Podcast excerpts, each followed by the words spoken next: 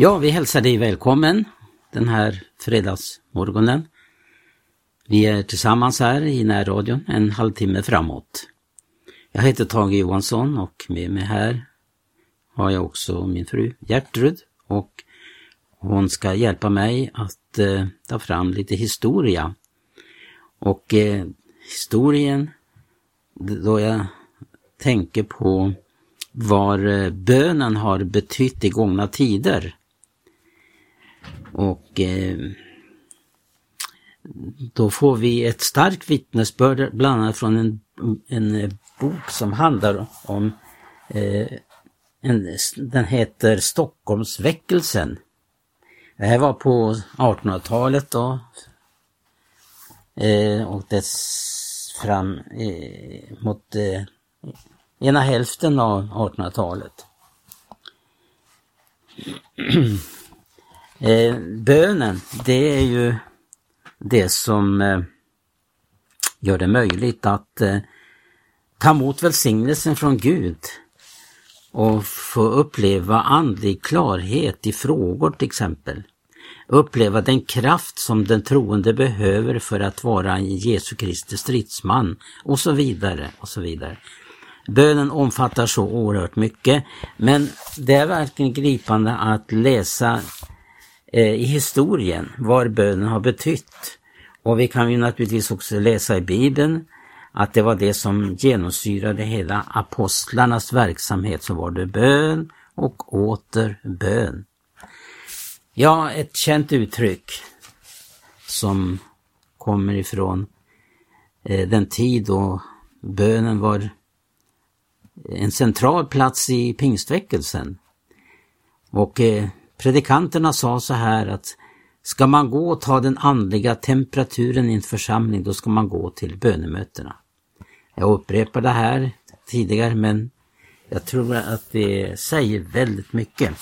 Nu ska jag be Gertrud läsa eh, från den här boken som handlar om eh, en väckelse som eh, rörde sig i den olika kretsar. De här också till och med uppe i konungakretsarna i Sverige.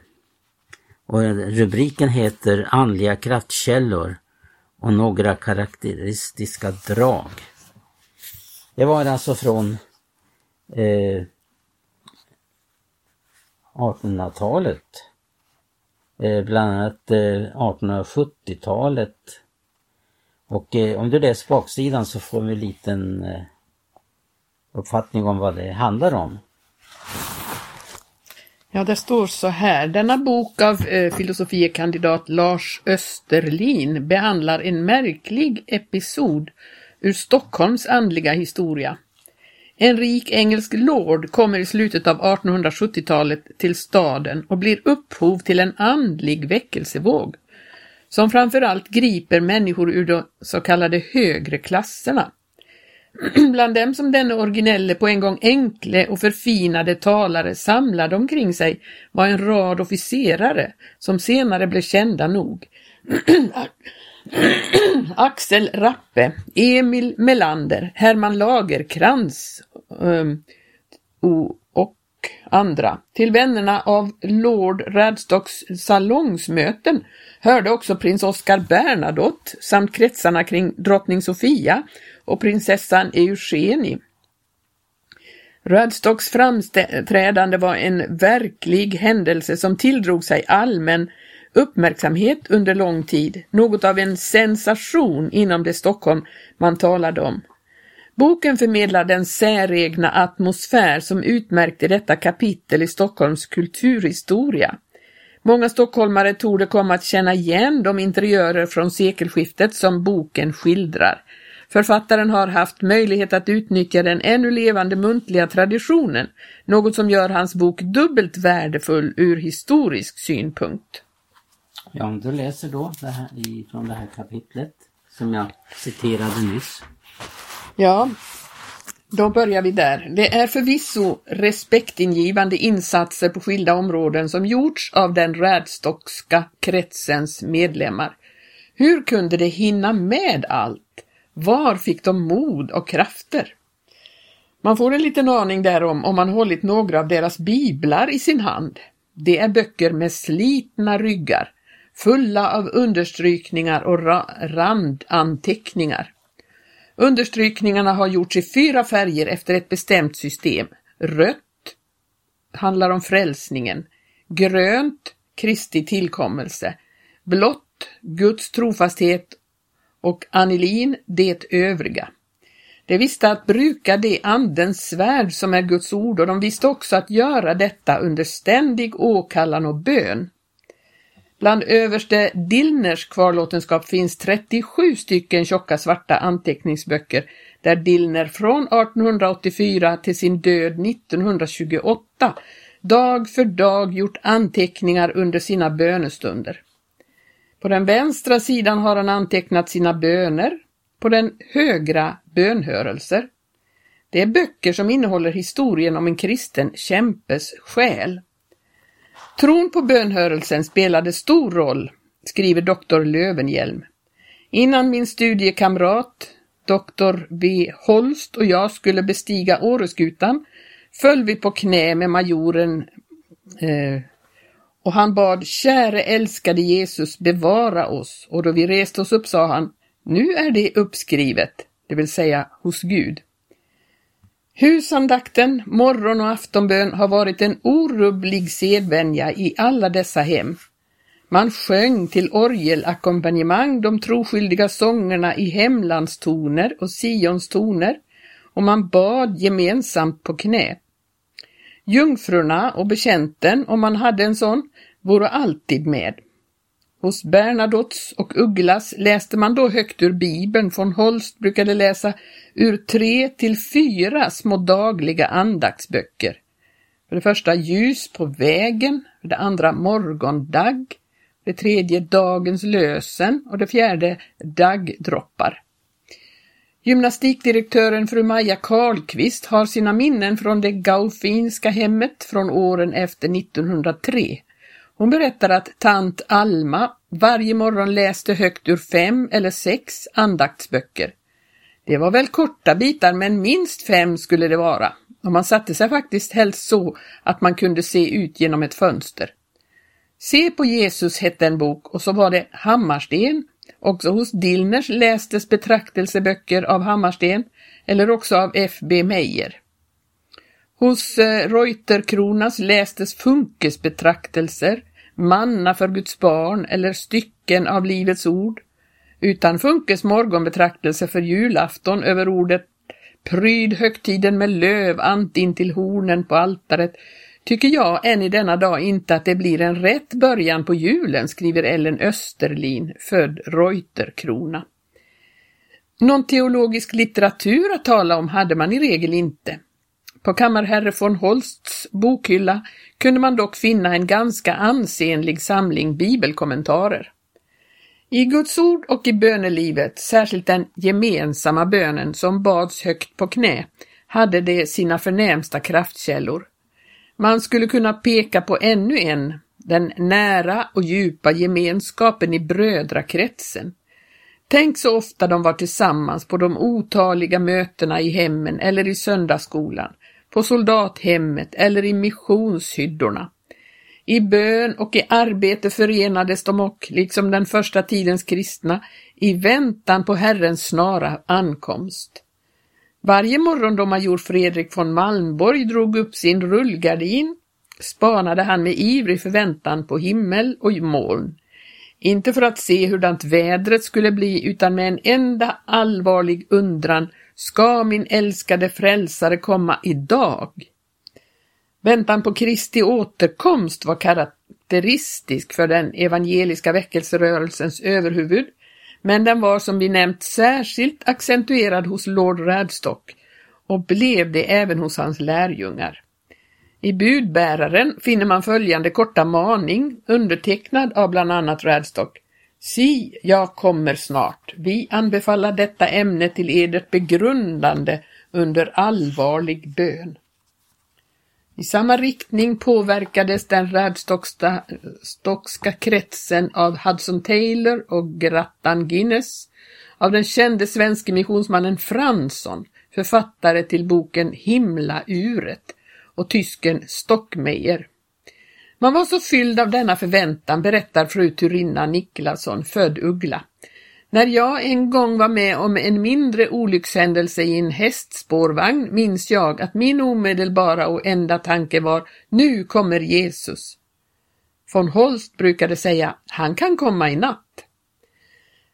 Bland ämnena för överstinnan Dillners bibelstudier i de så kallade bibelklasserna för ungdom finner man sådana rubriker som Händelser i samband med Jesu Kristi uppenbarelse, Uppmaningar att vänta Jesus och det tusenåriga riket. Jesu ankomst är också ämnet för en påfallande stort antal av överste Dillners predikoutkast, till exempel vidstående från eh, 80-talet denna apokalyptiska förväntan finner man prov på också i bevarade brev.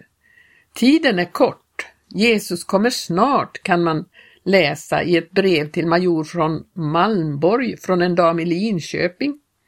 Och överste Totti skriver i ett brev till samme man Han kommer snart, o oh, att få hemma vara. Då en kvinna i byn Munktorp nära Köping år 1907 i ett norrsken tyckte sig se orden Si, jag kommer snart, skrivna med eldskrift på himlavalvet, gjorde detta starkt intryck på major von Malmborg och han berättade därom i en predikan i Betlehemskyrkan.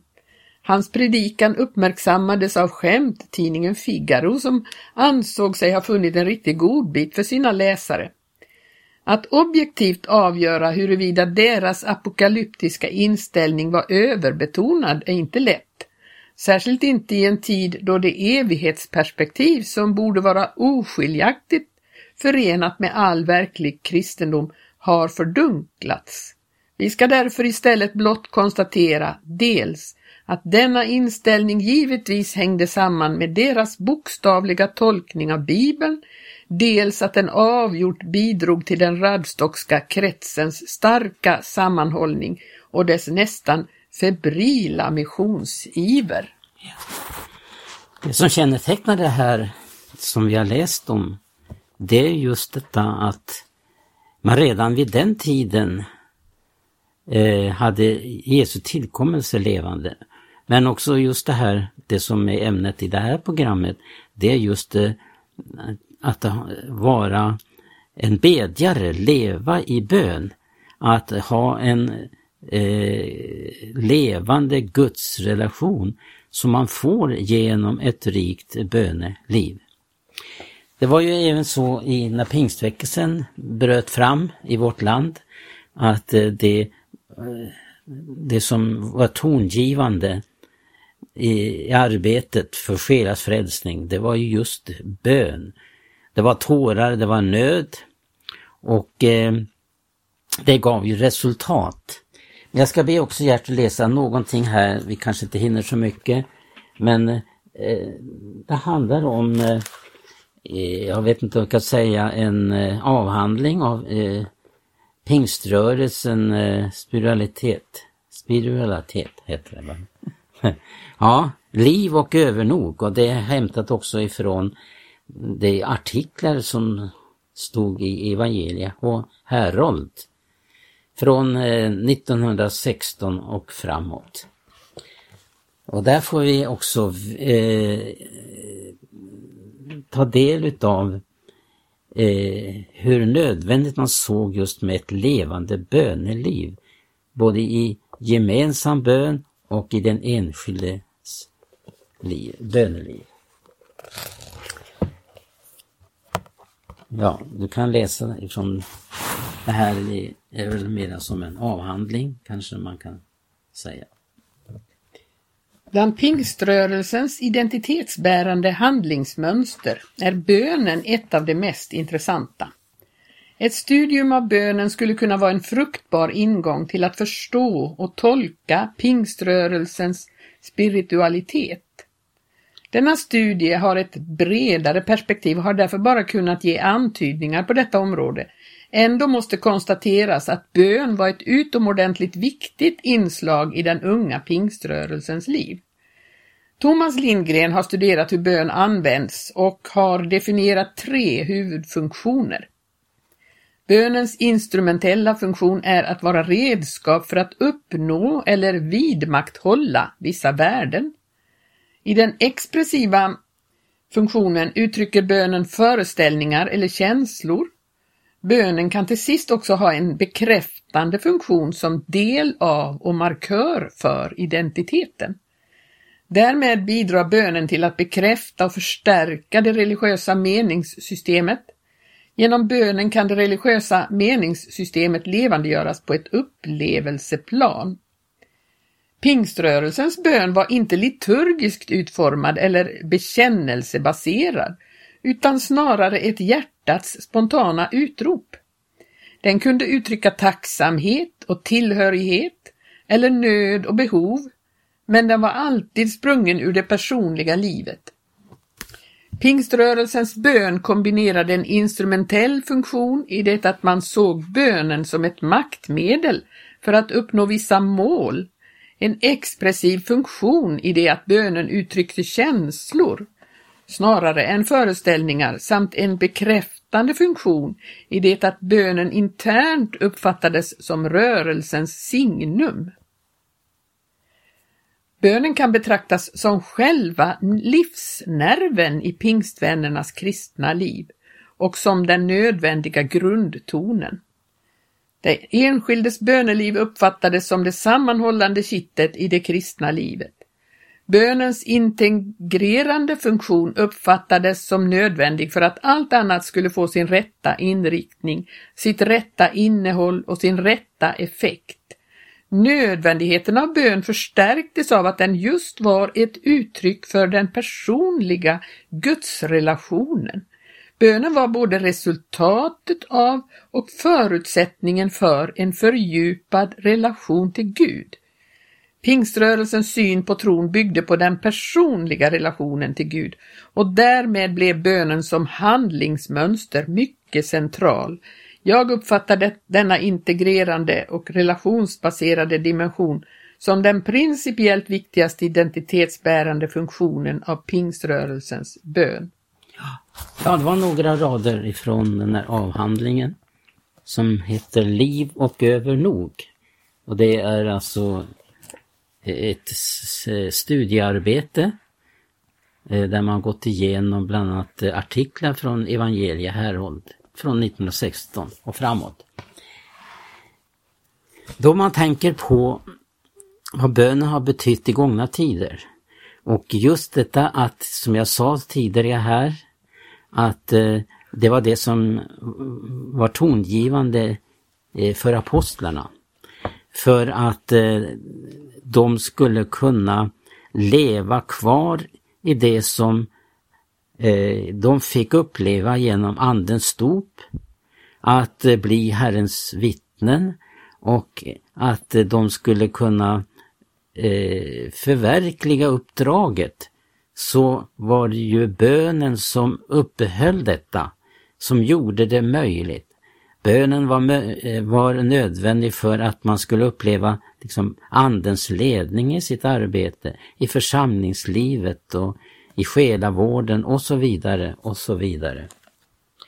Jag tänker på eh, hur man kan uppleva eh, eh, då vi till exempel vi tänker på den här tiden som vi lever i. Där får vi naturligtvis erkänna att bönen inte är mm, det som man ägnar sig mest åt, som man ska göra bönemöten, det har försvunnit allt mer och mer i de kristna sammanhangen och i församlingar. Men det var det som är det primära. Det är ju att det finns ett levande böneliv, att bönemötena är de viktigaste mötena. Och det är de mest kampfulla mötena också. Och där blir det också en upplevelse av andlig förlossning. Och därför handlar det inte om bara att man kommer till, till bönen bara för att eh, göra sin plikt. att eh, uppehålla en viss standard utan det handlar om ett livsflöden som man måste ha för att kunna leva ett sant och riktigt liv. Jag vill eh, särskilt tänka på det här och vi tänker på vår tid då, då det här inte är det som man eh, eh, ser som det viktigaste, som ju är det viktigaste. Och då tänker jag också på att det finns också tider i den i Guds, i Guds folks historia där man har kommit så på avvägar att eh, Gud måste sända till exempel nöd för att lära sitt folk att bedja. Är det inte så den situationen vi upplever idag? Och vi upplever att den heliga Ande talar till oss just detta att eh, eh, då Gud inte finner någon annan möjlighet än just sända nöd. För det är som det står i bibelordet att eh, hur skulle jag kunna lära dig bedja om inte genom nöd? Det är väl en sån tid vi lever idag. Och vi vet inte, ja vi vet att det kommer nödtider och att det kommer att innebära att man kommer att söka Gud på nytt. Men det är inte det som är det som Gud har tänkt, att han måste sända nöd för att vi ska börja bedja. Utan det ska vara någonting som, som en tändande gnista i att man hängiver sig åt ett, ett rikt böneliv. Eh, låt mig ta ett exempel ifrån vad Paulus säger i Kolosserbrevet, där han förmanar till bön. Han skriver där i Kolosserbrevet 4 och från den första versen, varen uthålliga i bönen och vaken i den under tacksägelse. Och bedjen jämmel för oss att Gud mot oss öppna en dörr för ordet så att vi får förkunna Kristi hemlighet, en hemlighet för vars skull jag också är en fånge. Jag bedjen att jag må uppenbara det med de rätta orden. Eh, längre fram i samma kapitel eh, så står det där i tolfte versen om ett vittnesbörd av en gudsman som hette Eprafas, eh, deras landsman, och han hälsade dem med Jesus, som Jesu Kristi tjänare, som i sina böner, står det, alltid kämpar för eder för att i skolan stå fasta och vara fullkomliga och fullt vissa i allt vad som är Guds vilja. Ja, det är det som är behovet idag. Det är verkligen att man på nytt börjar söka Gud i ivrig bön. För det är väl så att eh, Gud som ser ner till människorna, att hans ögon som överför hela jorden för att han i sin kraft skall bistå dem som söker honom med ett hängivet hjärta. Det är det Gud behöver i denna tid, hängivet hjärta som förstår bönens kraft och makt. Och det har varit till välsignelse för vårt land i gångna tider att människor har bedit. Och genom bönen kan oerhörda många ting ske, till och med att man kan, kan eh, undanröja olyckor, andra ting, men också bedja för människors frälsning. Vi tackar dig, för det, vi tackar dig som har varit med och lyssnat den här morgonen. Och vi önskar dig Guds välsignelse och återhörande.